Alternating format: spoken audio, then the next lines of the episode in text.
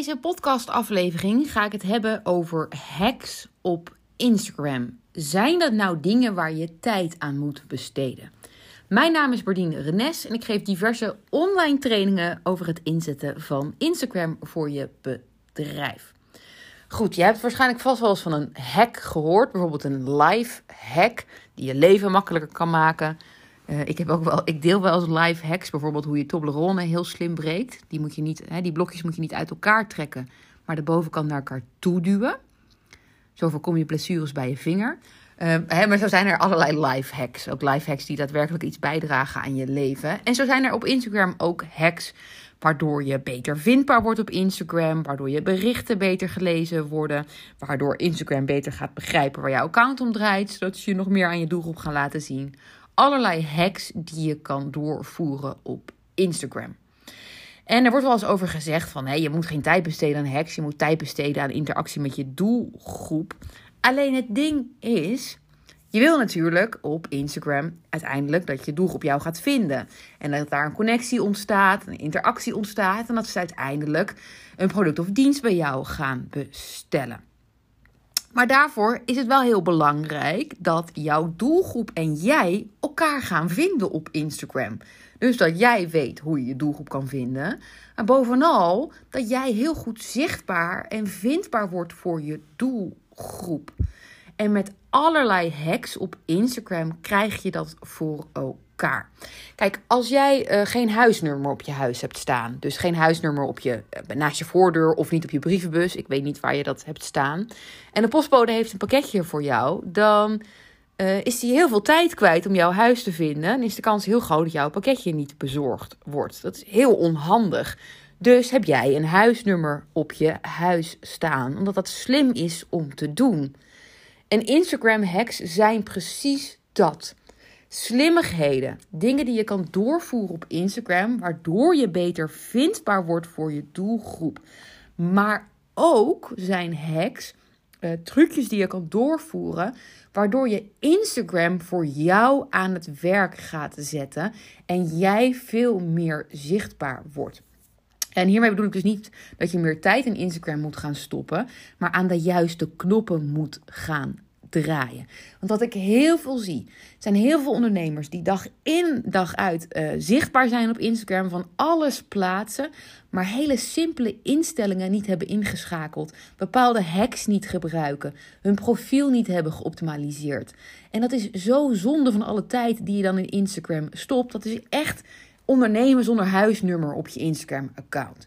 En met dus bepaalde hacks door te voeren, kan jij Instagram duidelijk gaan maken waar jouw account om draait. En gaat Instagram dus begrijpen: ah, oké, dit is dus zo'n account. Hier wordt over geplaatst. Oké, daar past deze doelgroep bij. Hè? Die gaan we dus, dit account, deze post van dit account, gaan we nog meer aan die doelgroep laten zien. En zo zijn er niet alleen hacks om je profiel te optimaliseren en je tijdlijnberichten, maar ook hacks om je stories te optimaliseren. Hacks waaruit je begrijpt wat belangrijk is om te doen bij het plaatsen van een story en hoe je die zo optimaal mogelijk plaatst. Ik zeg altijd: storykijkers, jouw storykijkers zijn een soort van triple A volgers. Als in, als iemand jou gaat volgen op Instagram, dan betekent dat nog niet dat dat gelijk een storykijker is. Als jij 5000 volgers hebt op Instagram, zul je niet 5000 storykijkers hebben. Maar echt, elke storykijker die je erbij krijgt, is een hele belangrijke storykijker. Want je stories zijn de perfecte plek om echt jouw merk, je bedrijf of jezelf te laten zien om herkenbaarheid te creëren, betrokkenheid, interactie en vanuit daar ook verkopen.